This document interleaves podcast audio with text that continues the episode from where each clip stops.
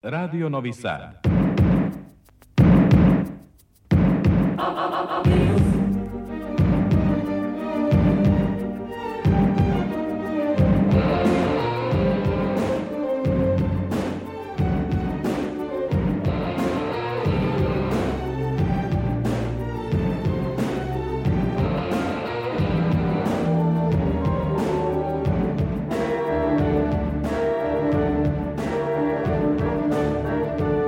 Spektar.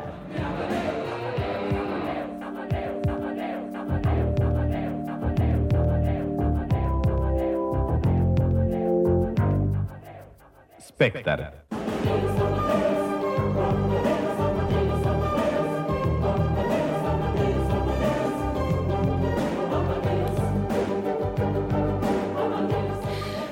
Deset je sati i 14 minuta. Dobroveče, dragi slušaoci. Magazin za kulturu Spektar Radio Novog Sada. Počinjemo, a je prilika da ćemo večeras i završiti u Beogradu.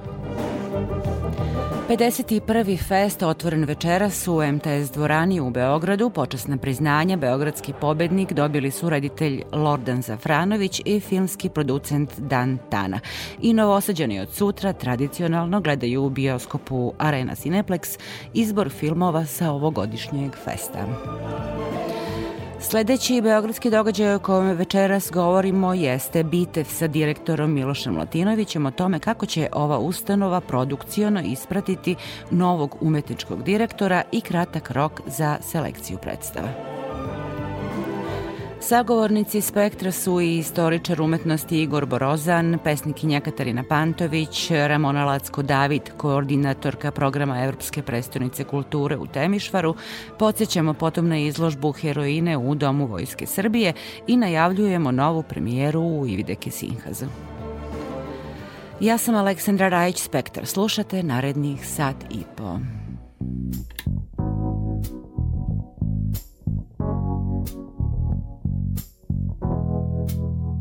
Knew the signs wasn't right. I was stupid for a while, swept away by you, and now I feel like the fool. So confused, my heart's bruised.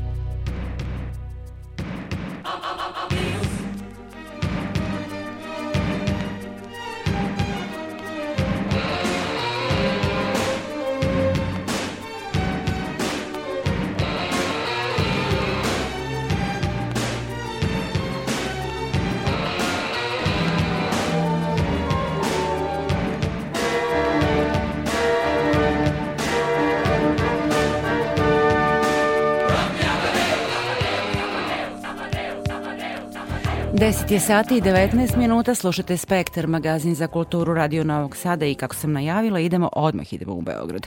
U MTS dvorani u Beogradu večeras je počeo Beogradski međunarodni filmski festival Fest. E, traje do 5. marta, a o filmovima, sloganu festivala, počasnim nagradama Beogradski pobednik Ana Čupić koja je u Beogradu. Ana, dobroveče. Dobroveče Sanja, vama i svim našim slušalcima. Šta je to bilo prvog dana e, u Beogradu, odnosno na otvaranju festivala? Jesi li zapravo uspela e, da uđeš u salu e, na otvaranje festivala, je li bila puna? Sala je bila prepuna, Beograđanima je ovo praznik. Za početak bih morala da kažem da je fest jedna od najznačajnijih manifestacija u oblasti kulture kako za Beograđana, tako i za sve ljubitelje filma.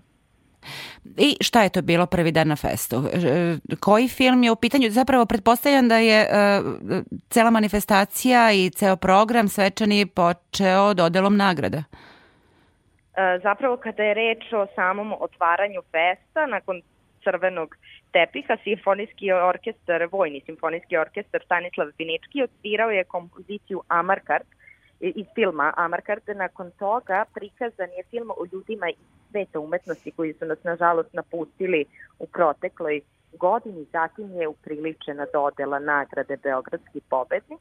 Ovogodišnji laureati su reditelj Lordan Zafranović i producent Dentana. Koji je prvi film na programu, na takmičarskom programu i šta je to, ali naravno ukratko, pošto je reč o 130 filmova, šta je to što ćemo narednih dana do 5. marta gledati? Sama ceremonija je završena muzikom iz filma Poseban tretman, koju je takođe svirao orkestar Stanislav Pinički, a nakon toga za sam početak ovog divnog festivala pušten je kratki film Bakšiš i e, krimi drama Zločin je moj François Ozona, da, da, da. šta, je, šta ćemo još narednih dana gledati? Ili zapravo koji je tvoj izbor, šta ćeš ti gledati? Ja ću za početak pogledati jedan e, domaći film iz uh, selekcije uh, takmičar, takmičarskog Da, programa. programa. U pitanju je Ovamo će proći put Nine Ognjanović. E, vrlo jedna zanimljiva stvar se dešava ove godine. Naime, u ovih 10 dana publika će u 17 filmova u glavnom takmičarskom programu imati priliku da vidi jel, pojedina e, ostvarenja koje su nominovane za Oscara, nagrađivane filmove sa najvećih svetskih festivala, kao i par naslova sa e, tekućeg 73. Berlinala. Ono što je jako zanimljivo je što je više od trećina filmova, odnosno 29 filmova tačno, su ili režirale ili korežirale žene. Tako da možemo da kažemo da fest ove godine ima svoju lepsu stranu. Odnosno da, da, da ćemo vidjeti šta je to ženski rukopis, odnosno žensko oko o, u filmu. Ispratili smo te za Beograd e, sa konstatacijom da ti se jako e, dopada zapravo slogan festivala ovogodišnje. Jeste, ovogodišnji festival se održava pod sloganom Strast života, koji je zapravo inspirisan filmom uh, Amarko, dodatle i ko, sama kompozicija na otvaranju. U pitanju je film Federica Fellinija, uh, kome ove godine obeležavamo 30 godina od kada je preminuo, a film Amarkaz ove godine obeležava 50 godina od svog prvog prikazivanja. Slogan je zapravo naduh, nadahnut e, čuvenom e, Felinijevom izjavom nema kraja, nema početka, postoji samo strast života.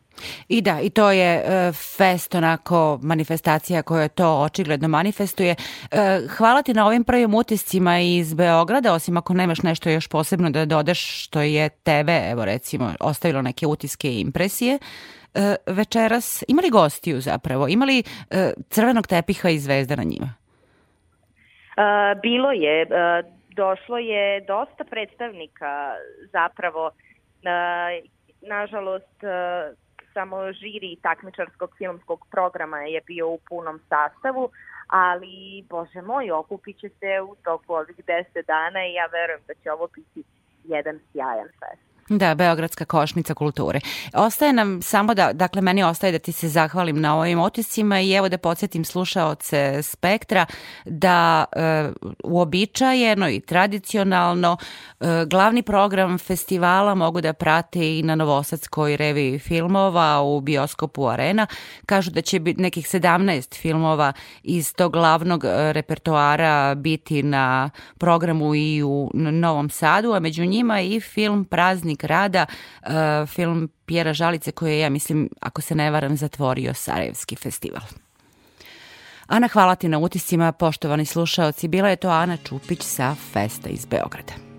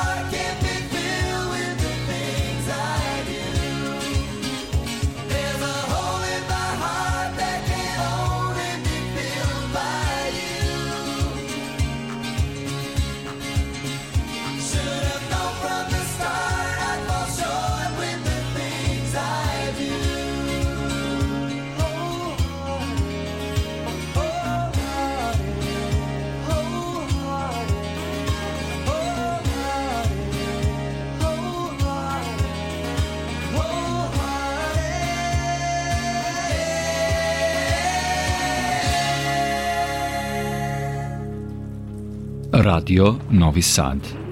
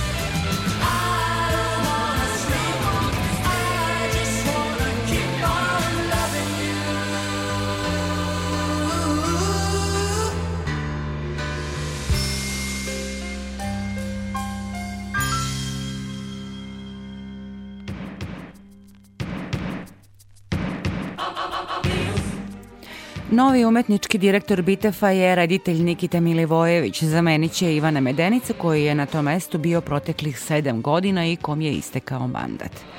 Biografija Nikite Milivojevića jedna je od najbogatijih u našem pozorišnom prostoru. Reditelj sa velikim evropskim iskustvom, profesor, osnivač i prvi čovek Šekspir festivala i nekadašnji direktor Bitev teatra. Imaće to je izvesno jako malo vremena da razvije sobstvenu koncepciju Bitefa, ali i podršku direkcije, kaže direktor Miloš Latinović. Evo i razgovora zabeleženog s njim.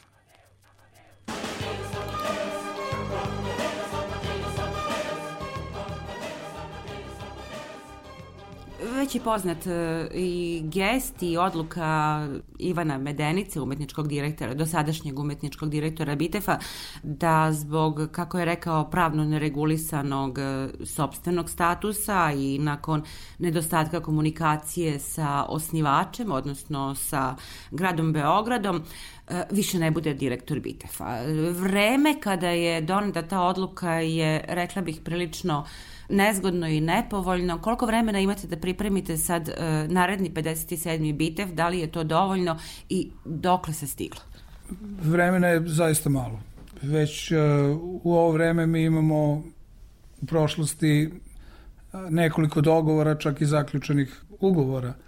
Međutim, u ovom trenutku to nemamo, ali da kažem, ovo je poslednji moment bio da se ta a, neuralgična tačka skine sa dnevnog reda i da se ili Ivanu Medenici produži mandat ili da se postavi drugi umetnički direktor. Mi sad imamo drugog umetničkog direktora, Nikitu Milivojevića, sa kojim smo u kontaktu i um, uradit ćemo sve da u vrlo kratkom vremenskom roku postignemo određene dogovore i da Bitev uh, u septembru bude na nivou onih festivala kako smo to navikli.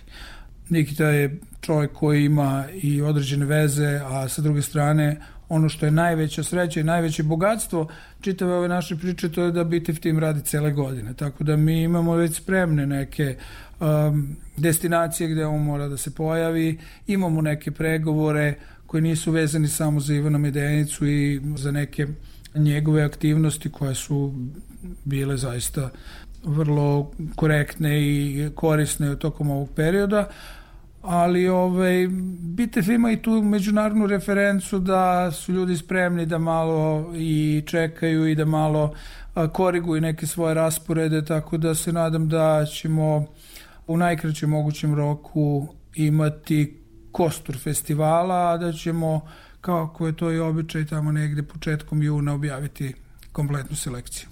Kako gledate zapravo na Nikitu Milivojevića kao izbor na jedno nužno ili prelazno rešenje ili na nešto što bi odredilo neku trajniju dugoročnu projekciju toga kako Bitev treba da izgleda?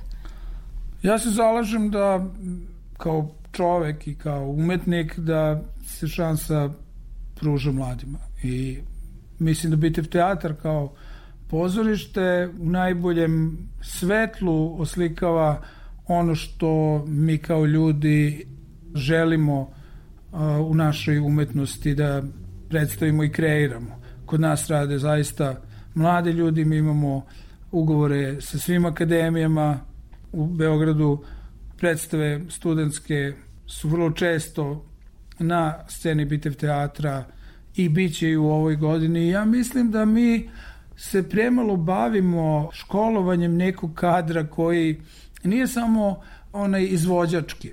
Zanemarujemo teatrologiju, zanemarujemo je posebno dramaturge, nama su dramaturzi uglavnom pisci, ali mi smo već e, u svim gotovo pozorištima izgubili funkciju dramaturga koji je jako uticajan u toku procesa rada na jednoj predstavi. Mislite da je to posao Bitefa s obzirom na to da ste rekli da je to ipak svetski da, format da, festivala? Nisam, nis, nisam mislio da je to samo posao Bitefa, ali mislim da Bitev ima posao da školuje jedan kadar koji će ovaj e, nastaviti koji će sve promene, sve mene koje su u kulturi nekako i nužne i dešavaju se, jer moguće da recimo, eto i Nikita Milivojević sledeće godine dobije neku dobru ličnu ovaj, ponudu, pa da mu ovaj posao bude možda suvišan, a mi nemamo opet adekvatnu reakciju. Mislim da ćemo u razgovoru sa njim, e, kao što je to bilo i sa Ivanom Medenicom, mu pridružiti nekoliko mlađih kolega saradnika koji su već e,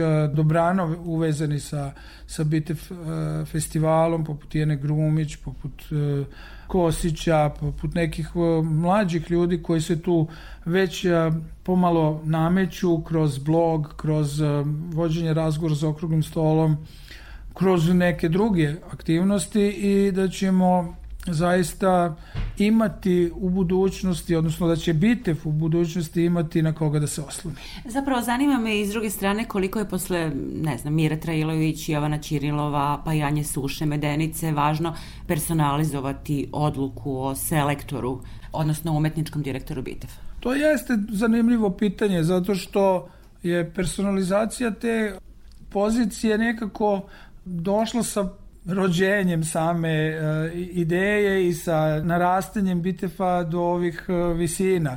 Vi sad kad pogledate taj niz, Nikita Milovojević svakako spada u taj niz, ali ajde da kažemo šta je sledeće.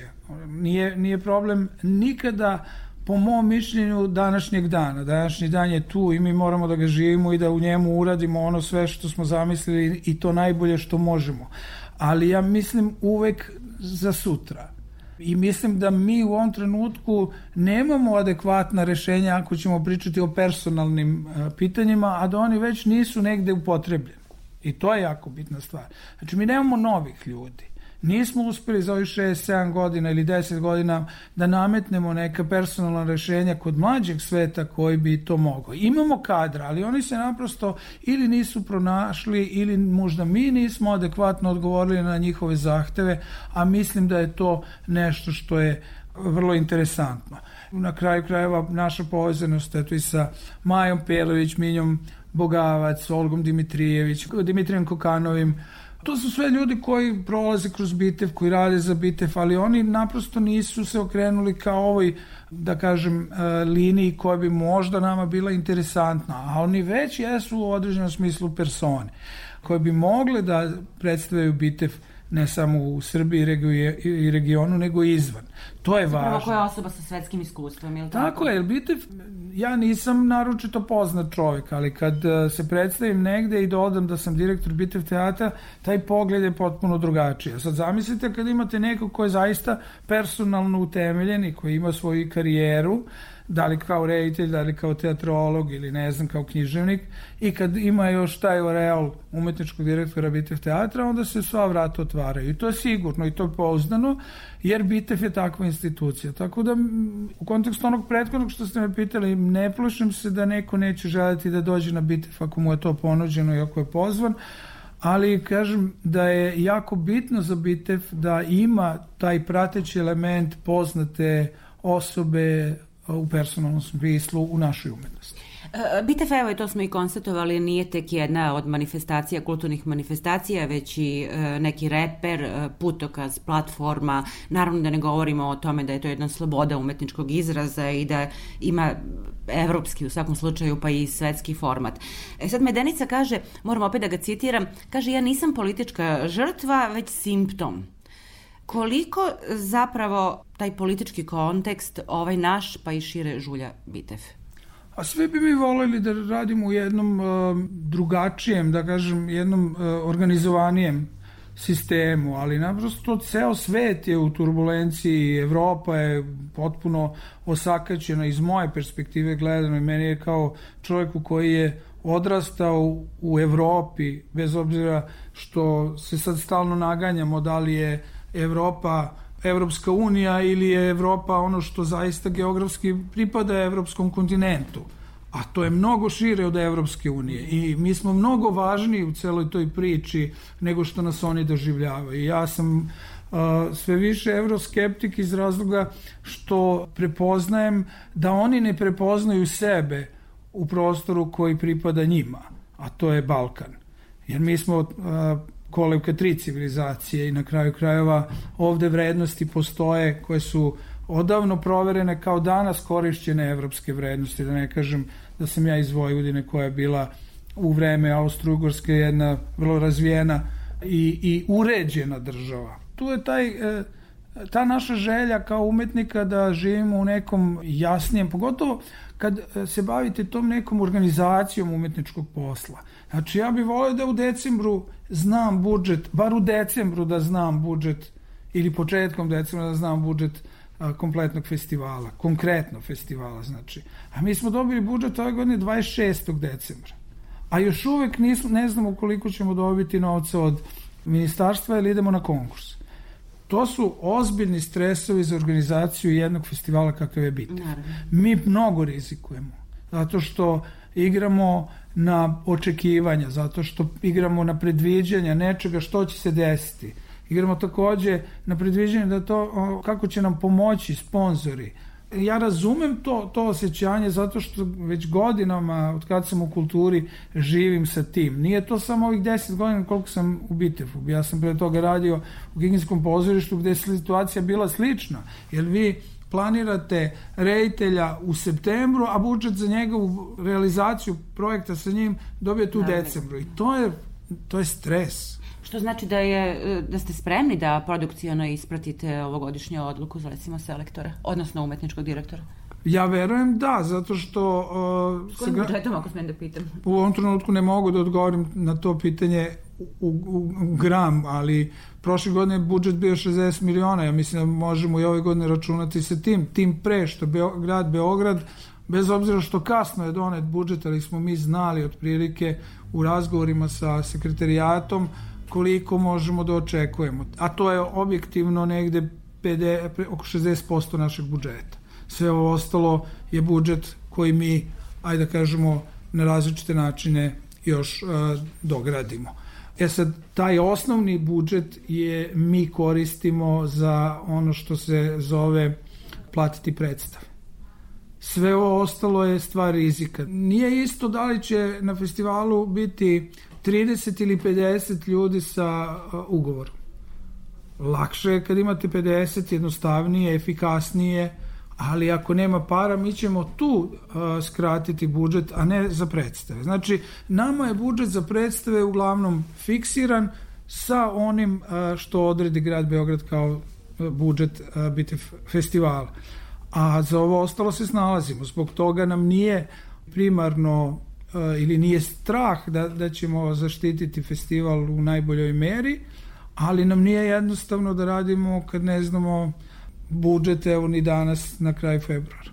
E sad, zanima me kad već razgovarate sa tom drugom stranom o budžetu, da li su naše projekcije idealističke i nerealne e, ili stvarno taj bitev predstavlja odraz sveta u nama i recimo nas u svetu. Dakle, da li i ona druga strana ima predstave o veličini i značaju ove manifestacije? Verujem da. Pozorišta u Evropi pre svega, ali i dobrim delom u svetu, imaju vrlo jasno određenje prema Bitefu. I za evropska pozorišta, pogotovo u zemljama koje su uh, na spisku onih zemalja koje su više dolazile, znači Nemačka, Belgija, pa Francuska, pa čak i Rusija, njima je ovaj vrlo značajno da, da imaju refer, u onoj referenciji da su sa nekom predstavom bili na Bitefu ili da su čak osvojili Grand Prix. Tako da, evropski potencijal Bitefa nije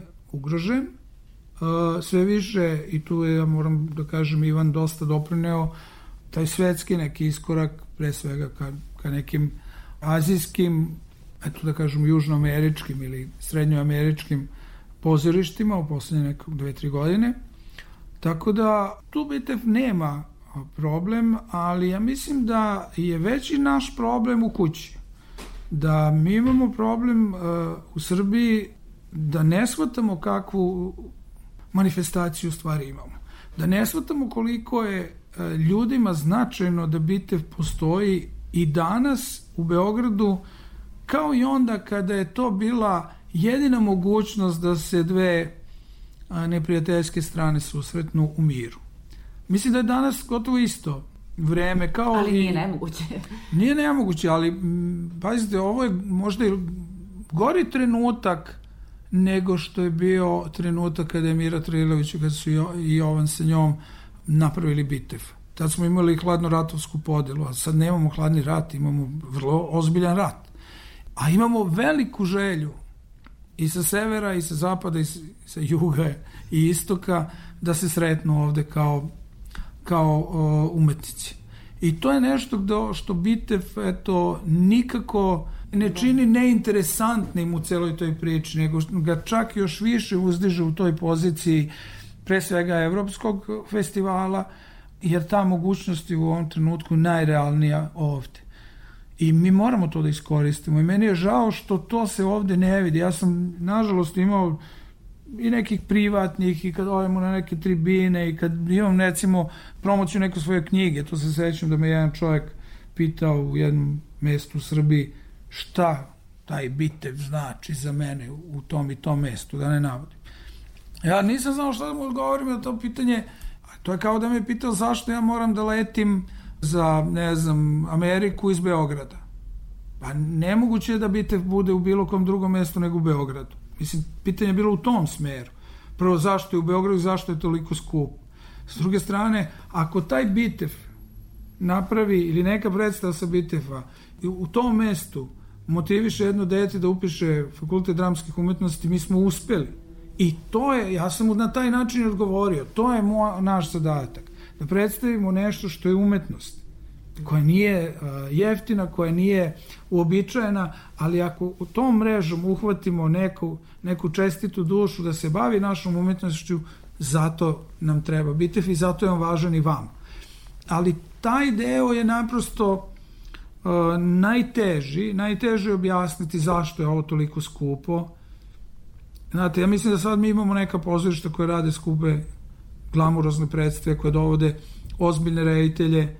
E sad je pravo pitanje da, vi, da li su te cene koje su ovde adekvatne onim cenama predstava koje dolaze na bitev. Ja mislim da jesu i da je sad to postalo jasno vidljivo. Zašto je skupo? Zato što pozorišta tamo ulažu ogromne pare u pozorišne produkcije i onda je normalno da i naplata njihovih gostovanja bude malo ekskluzivnija ili ne znam skuplja nego što je to produkcijski ovde. Mi smo, nažalost, da bi opstali, postali jako jeftini u produkcijskom smislu. A to nije dobro. Mi moramo da težimo ka, ka svemu onome što je pozorišni čin u novije vreme. Ja nemam problem ako se mi dogovorimo, ako je to stav, da pozorište bude jedan glumac i jedan čovek koji ga gleda.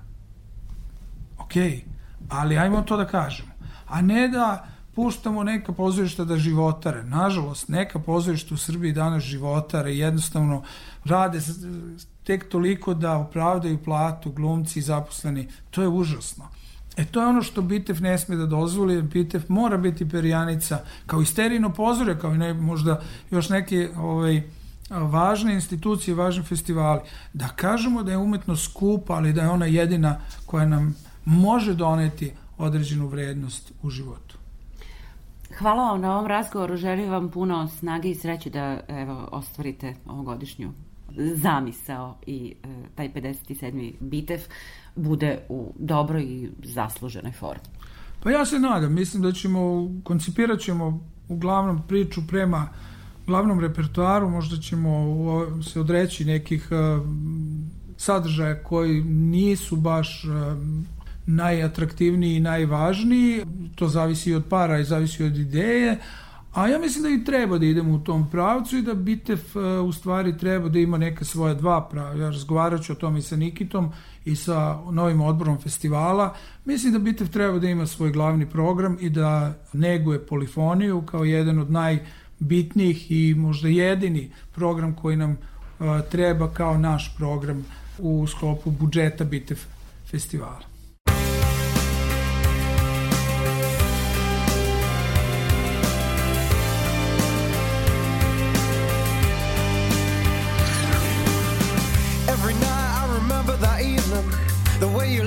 You said you were leaving. The way you cried as you turned to walk away. The cruel words and the false accusations. The mean looks and the same old frustrations. I never thought that we'd throw it all away. But we threw it all away. And I'm a little bit lost without you. And I'm a bloody big mess inside. And I'm a little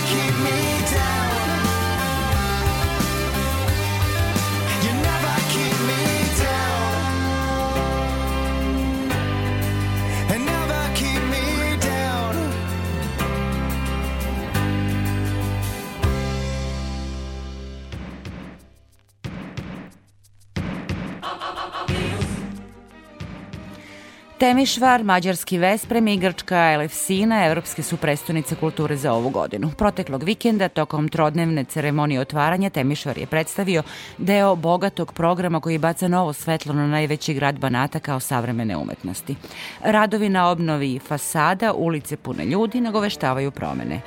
O konceptu programa i događajima koji će ga obeležiti sa koordinatorkom projekta Temišvar, Evropska prestonica kulture 2023. Ramonom Lacko-David, razgovarala je Ivana Maletin-Ćorilić.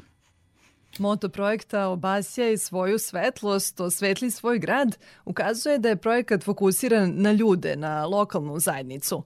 Kako su oni uključeni u projekat? Um, uh, uh, To je istina. uh, Veoma smo srećni što events, smo uh, uspeli da uh, realizujemo prvi program finansiranja kulturnih uh, projekata namenjen lokalnoj zajednici povodom ceremonije otvaranja i kroz manje grantove bez komplikovanog procesa prijave podstaknemo građane da učestvuju u programu. Takođe u kustoskom timu imamo dva stručnjaka, jednu za kulturnu medijaciju i edukaciju, Korinu Buču, i drugu za domet i dostupnost kulturnih projekata uključenih u program, Teodoru Borko. Njihova uloga je da održe obećanje dato prilikom kandidature Temišvara i obezbede učešće građana u projektu.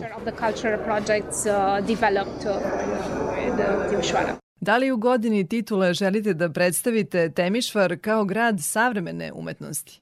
True, true, and uh, I believe uh, Tačno. To uh, nedavno otvorena izložba Hronična želja, koja se održava na više lokacije u gradu, poput muzeja javnog prevoza Kornelije Mikloši i Palate Štefanije. Okuplja više od 35 umetnika iz Rumunije i drugih zemalja i otvara kreativni dijalog. Njena dinamika je neverovatna. Kako će projekat Evropske prestonice kulture promeniti sliku Temišvara? Koji su ključni infrastrukturni projekti? So much Mi se nismo toliko usredsredili na infrastrukturne projekte, koliko na podizanje kapaciteta kulturnog sektora i kulturnih radnika i njihov izlazak iz komforne zone i stavljanje pred nove izazove. Naravno, postoje drugi modeli evropskih prestonica kulture koji se zasnivaju na velikim ulaganjima u kulturnu infrastrukturu, ali onda ostaje manje prostora za kulturne organizacije koje zapravo daju život tome. Mislim da će to uslediti više u narednim godinama, ali dinamiku će odrediti kulturne organizacije, što smatram da je bolji i održiviji model od ulaganja u kulturnu infrastrukturu. And a more sustainable uh, way of investing in cultural infrastructure. Kakav je osnovni koncept programa? Koje su glavne teme? Program was constructed on Program je uh, zasnovan na tri tematske celine uh, nazvane uh, ljudi, teritorije i veze, kako smo originalno i naveli u it knjizi. Projekti u sklopu prva dva programska luka odražavaju šta znači biti stanovnik Evropske prestonice kulture i kako percipiramo nove načine urbanog života i urbanu dinamiku. Treći segment, veze, odnosi se na međunarodnu saradnju i projekte, kako možemo da ih ojačamo.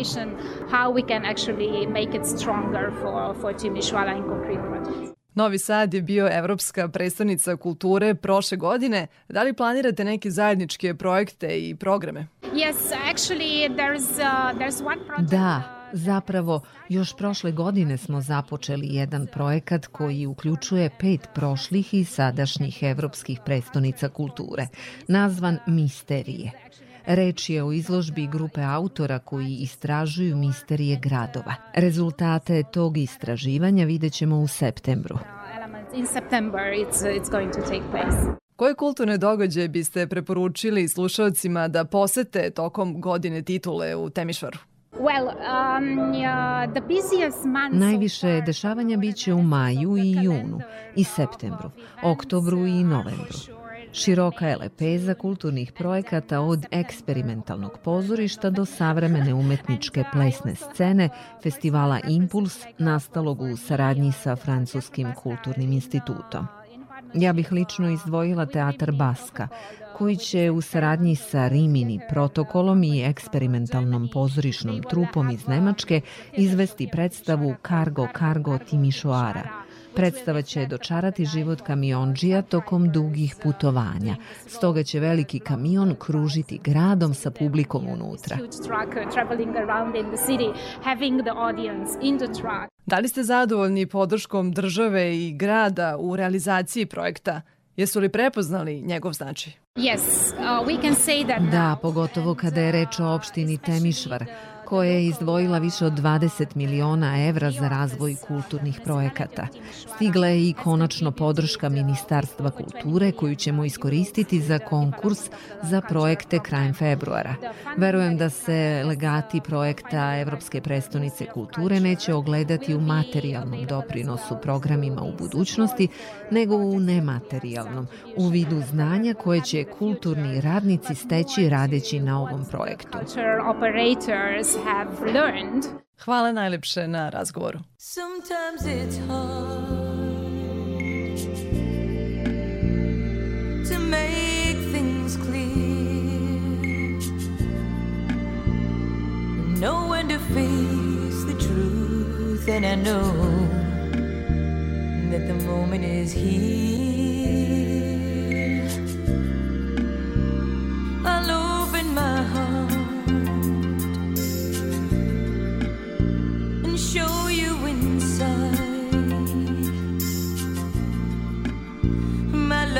Has no pride, I feel.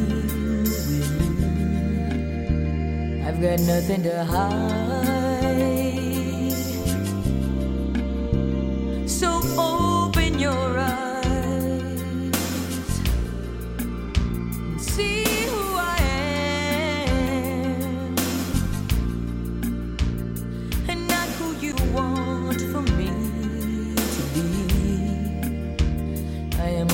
said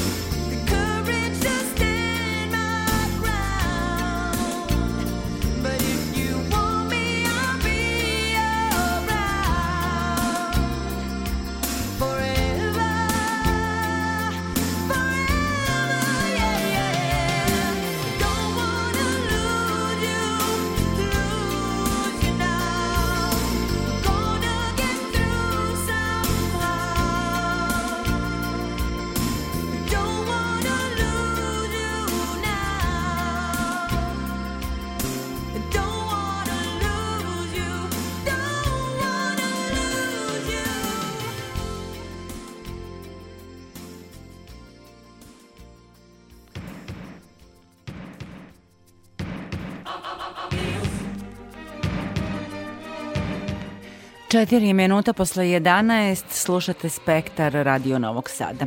Igor Borozan, istoričar umetnosti, autor je knjige Slika i moć, predstava vladara u srpskoj vizuelnoj kulturi 19. i s početka 20. veka. Večeras je ona predstavljena u Galeriji Matice Srpske. Prema istraživanjima Igora Borozana sve je počelo u doba vladavine kneza Mihajla Obrenovića, rođenog pre dva veka. Matrica političkog marketinga uspostavljena tada razvijana je skladno tehnološkim mogućnostima sve do danas. Sa Borozanom je razgovarala Tatjana Novčić-Matijević.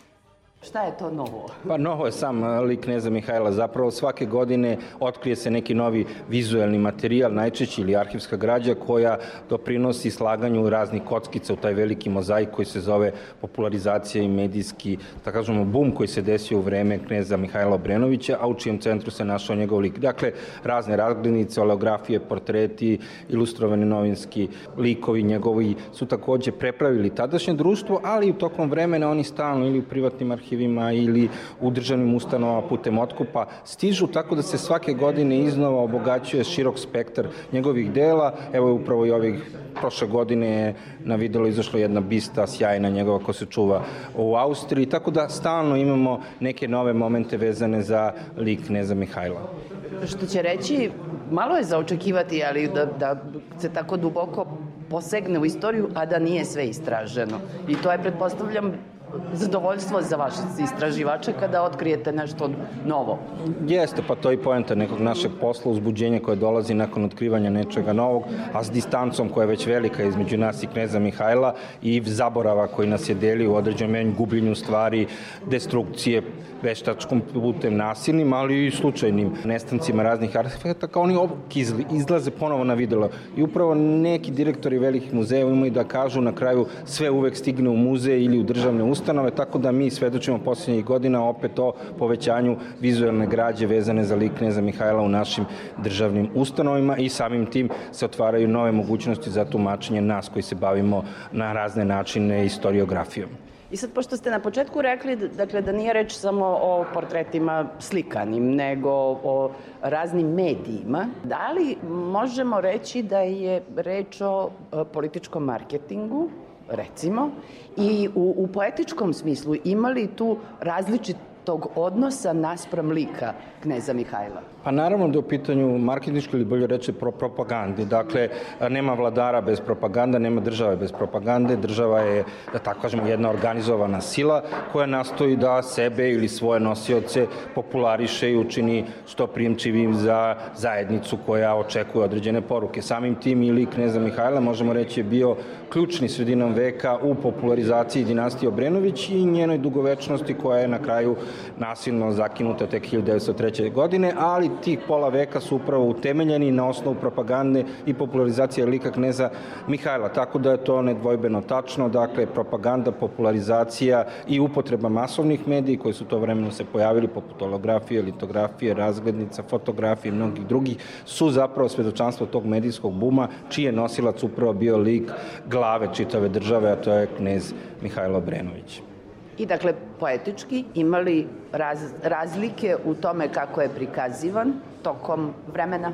Naravno da ima. U zavisnosti od očekivanja zajednice, prosto vladari se po definiciji od nastanka vladarske slike negde moraju povinovati onome o čemu od čega oni zavise, a to je onima nad kojima se vlada. Samim tim vladari osluškuju normalno i mehanizam državni koji stoji iza njih, šaptači, ideatori, ideolozi njihovog lika i u skladu sa tim, ali i sa okvirima vremena, ideološkim, estetskim, etičkim, reaguju. Samim tim imamo predstave kneza Mihajla kao vojskovođe ili u vojnoj odeždi, imamo ga kao mislioca, prosvećenog pojedinca, čak i dendija. Dakle, razne vrste raznolikih poruka koji se šalju u etar da bi se što više ili što veći broj koncentričnih stručnih krugova javnosti zadovoljio. Dakle, svakoga, za svakoga nešto što nam je danas naravno poznato iz modernih praksi vladarske reprezentacije mahom republika, ali suština se nije promenila u evropskim okvirima, srpskim ni tada ni danas.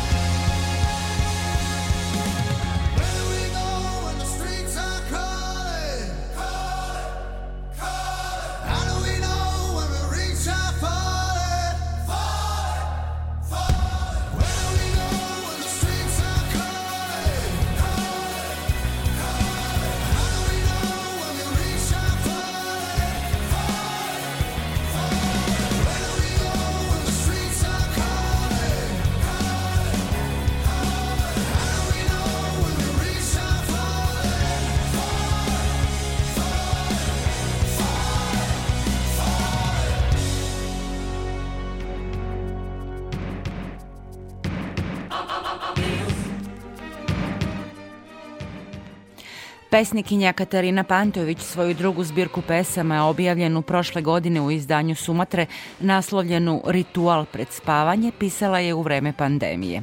Knjiga je ušla u najuži izbor za nagrade Lenkin prsten i Milica Stojodinović Srpkinja. O uticaju društvenih promena na tendencije u poeziji sa Katarinom Pantović razgovarala je Isidora Bobić. U pesmi Inkognito napisali ste u pokušaju da ispereš sve svoje neurološke zaprljanosti, oteraš negativni oblak nad glavom, alegorijski uobličiš životni ciklus, nežno ispresavijaš tu krtu i rabljanu mapu zvanu telo, pronađeš njegove žižne tačke i usporiš puls, ušla si na Google i obrisala search history. Ova pesma jako lepo sublimiše iskustvo lirske junakinje koje ona nosi kroz čitavu zbirku. Lepo definiše to anksiozno lirsko ja koje pokušava da drži sve konce u rukama i koje je suočeno sa brojnim preispitivanjima, ali pomoću kojeg se tematizuje jedna nova vrsta usamljenosti koju je društveni trenutak zadao 2020. godine u kom, kako kažete, vazduh miriše na sredstvo za dezinfekciju.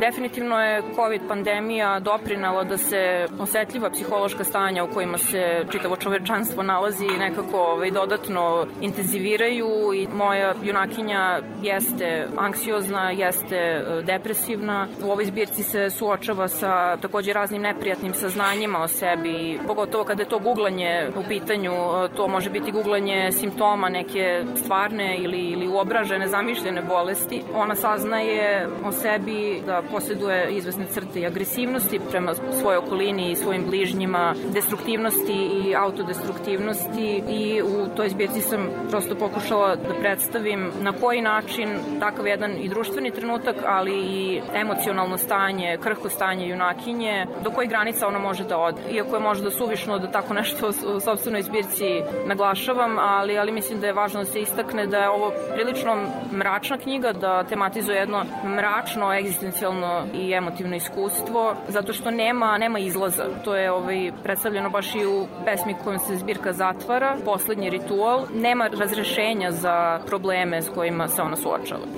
Slična osjećanja junakinje provejavala su i kroz vašu prethodnu zbirku Unutrašnje nevreme, vrlo simptomatičnog i simboličnog naslova. Takođe i stilski prepoznaje se da je i ova zbirka vaš rukopis. Međutim, šta je ono što biste istakli kao distinktivno obeležje ovog rukopisa u odnosu na prethodni?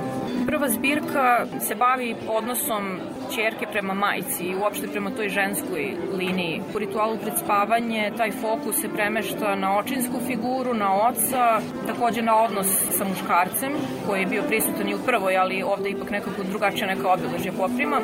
I u drugoj zbirci junakinja nije isključivo u gradskom ambijentu tom proždirućem monstruoznom gradu kao što je u unutrašnjem nevremenu bio slučaj, već se ovde izmešta i u prirodu, morski ambijent u Grčku, gde naravno i ta funkcija htonska, da kažem, vode i, mora nekako doprinosi doživljaju.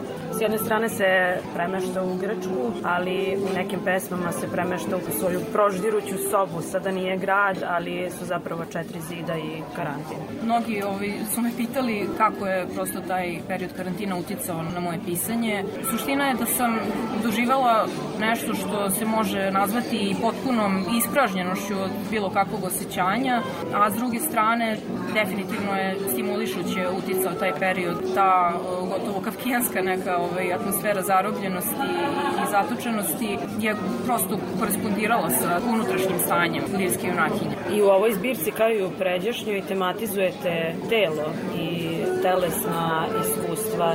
Da li možemo da kažemo da je ovo jedan tipično ženski rukopis, naravno autentičan, ali ženski rukopis, žensko pismo, žensko iskustvo?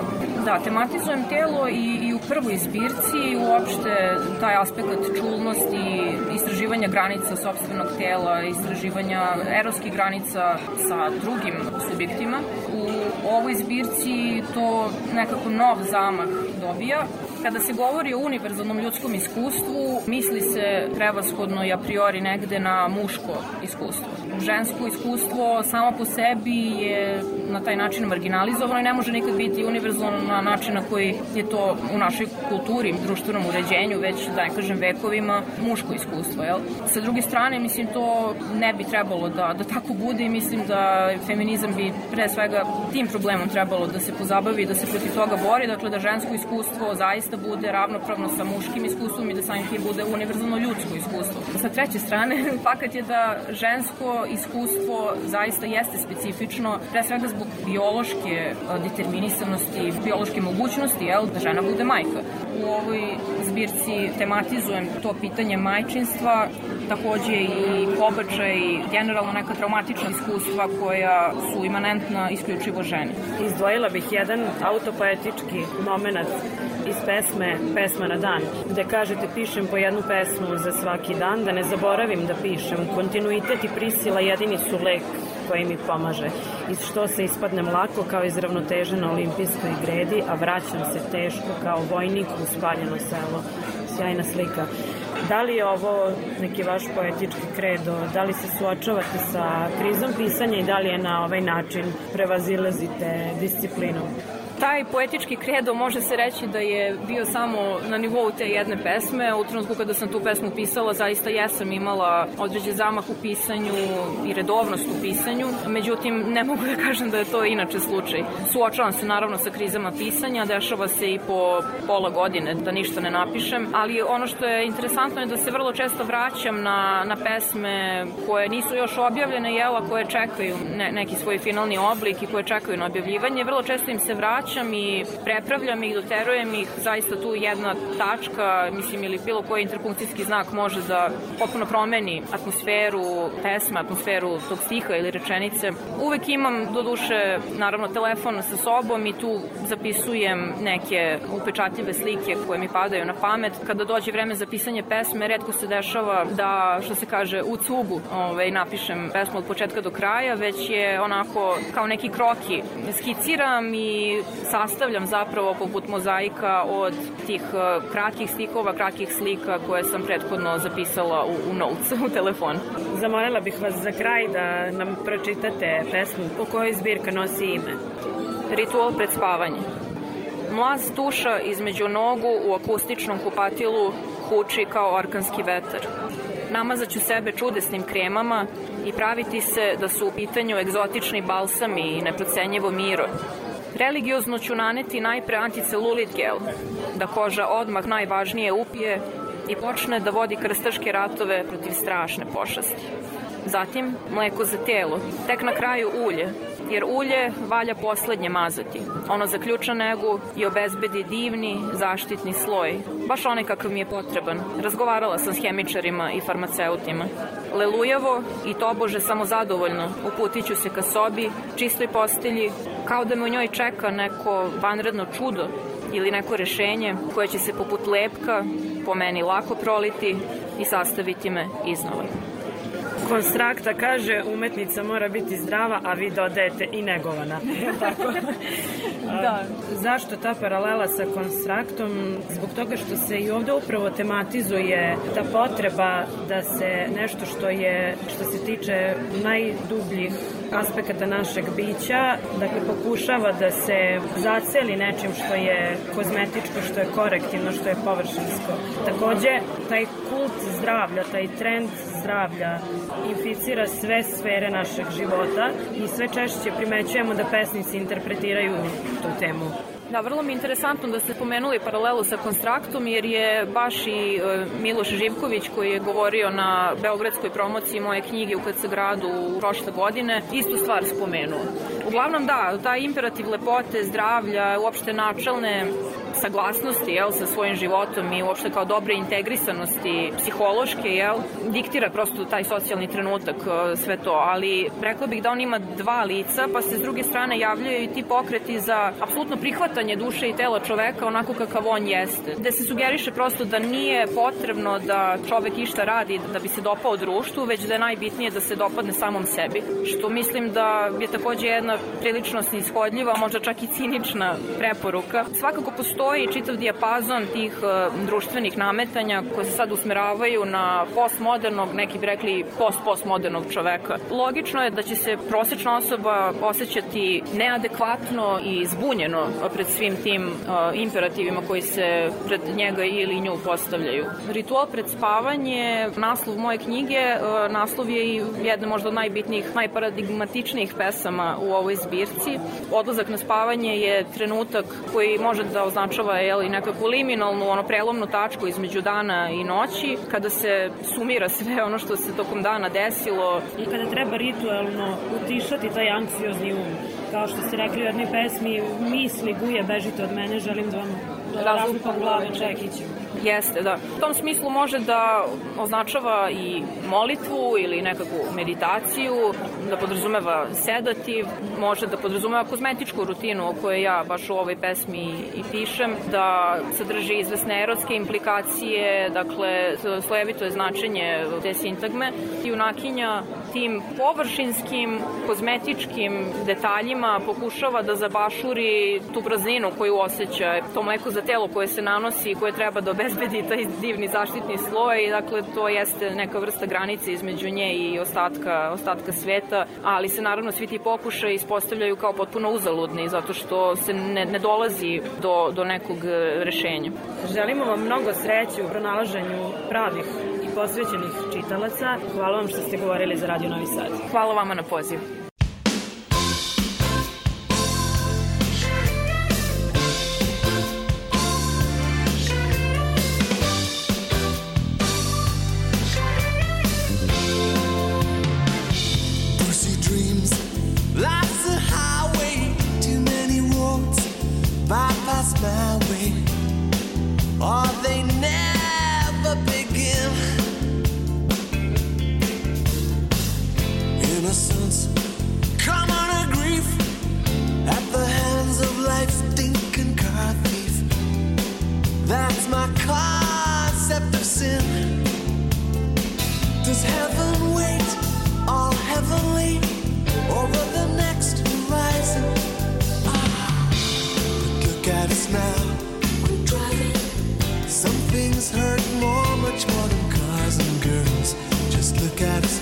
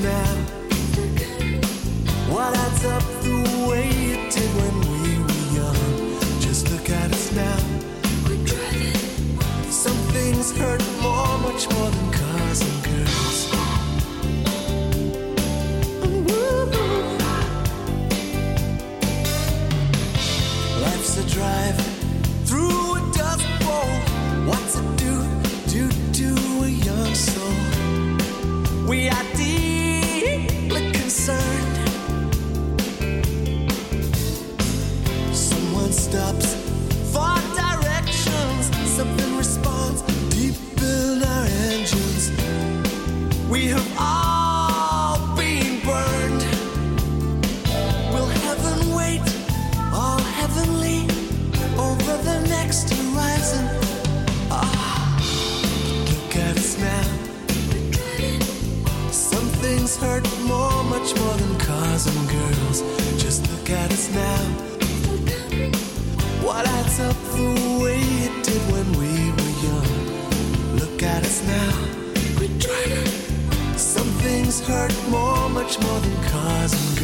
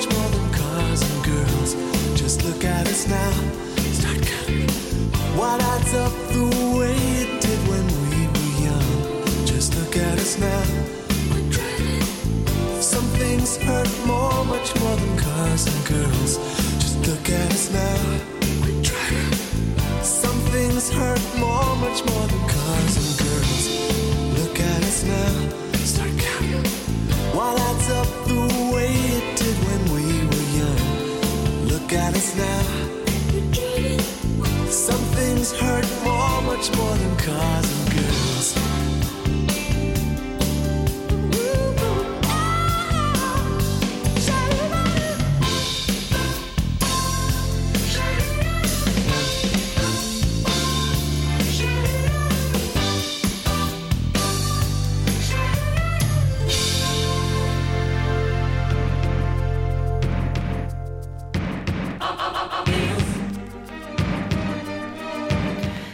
Predstava Antigona Lepo je kad padneš na Mekana u režiji Romana Nikolića premijerno će biti prikazana u utorak u Novosadskom pozorištu, a više o tome Ana Čupić.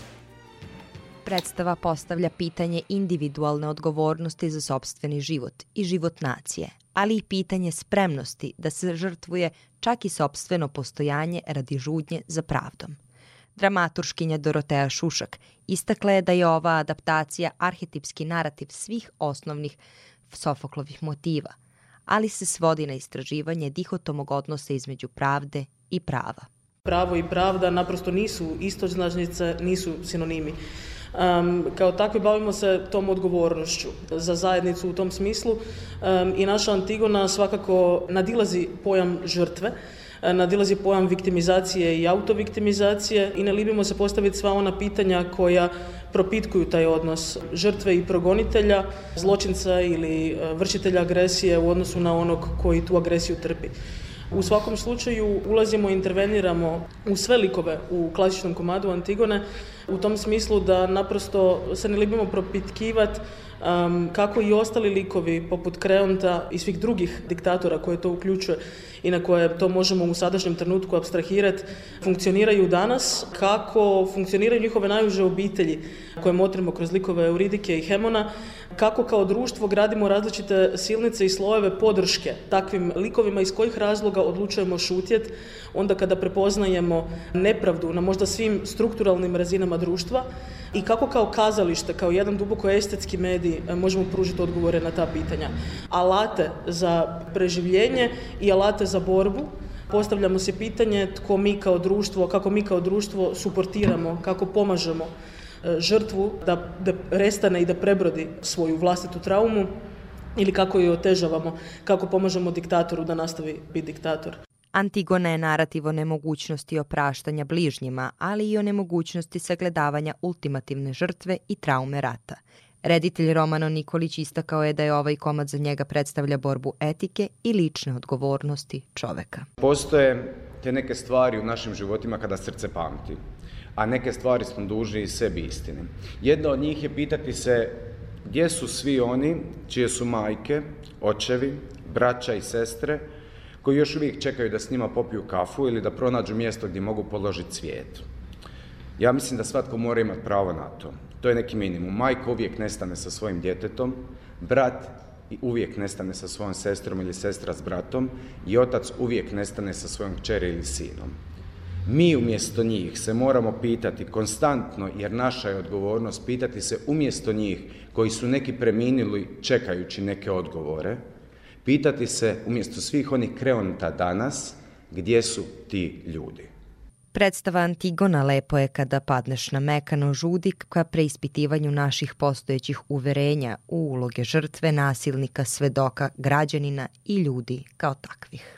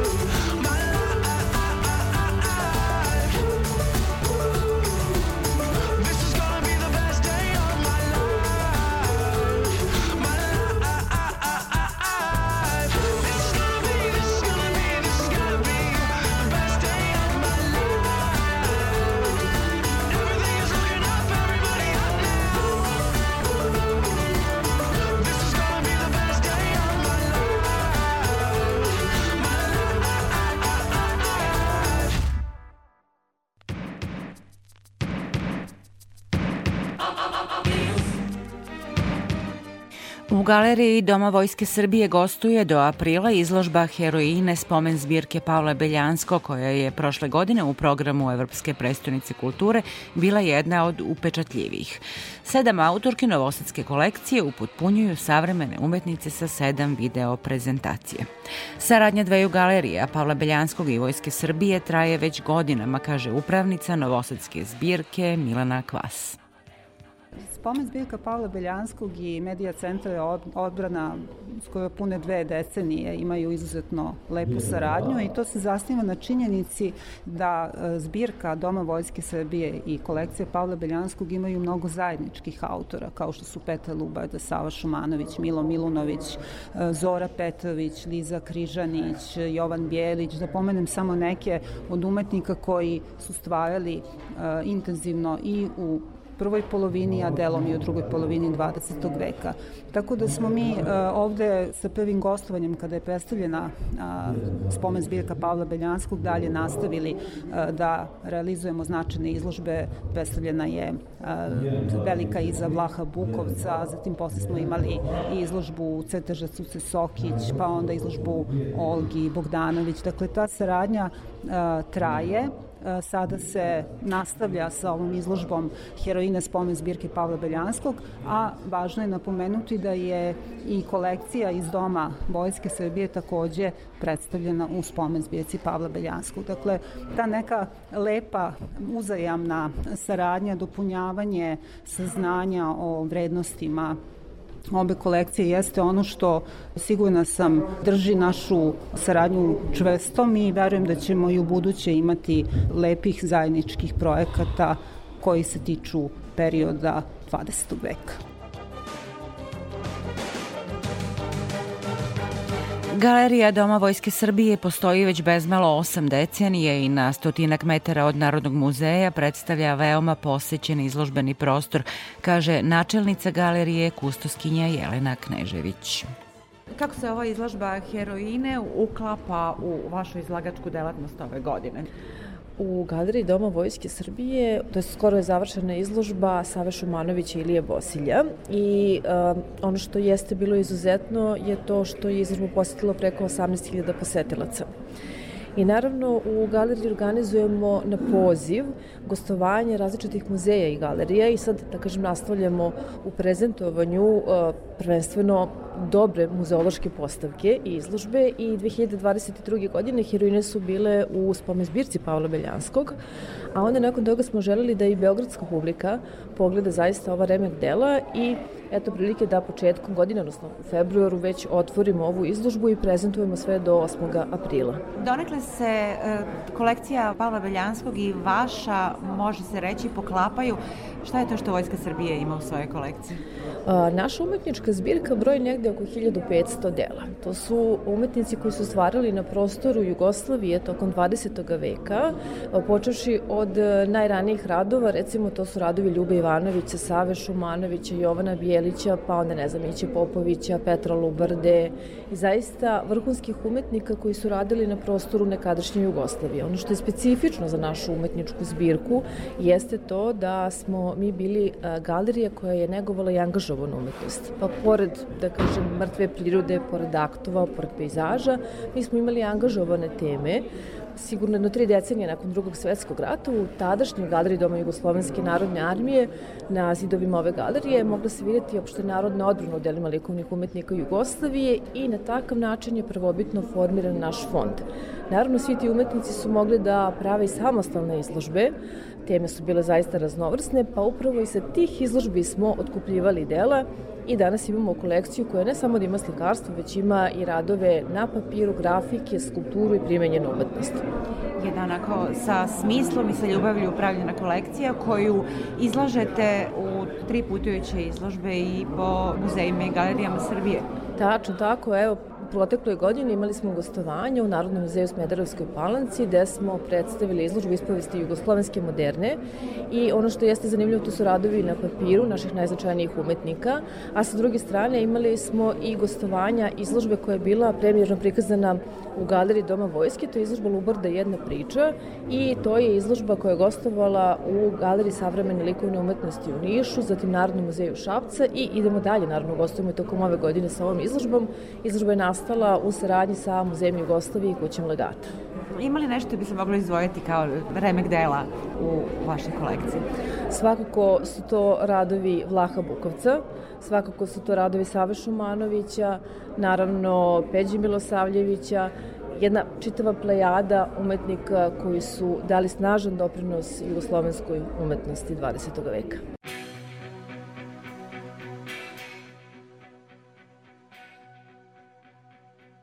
20 minuta do ponoći, dragi slušaoci, ostalo mi je još da vas podsjetim da Spektar možete pratiti na odloženom slušanju na sajtu rtv.rs, da kažem da su ovu emisiju realizovali Boris Đuranin, Zoran Gajinova, ja sam Aleksandra Rajić i da vam poželim prijatnu noć i novo slušanje do sledećeg petka pred ponoć.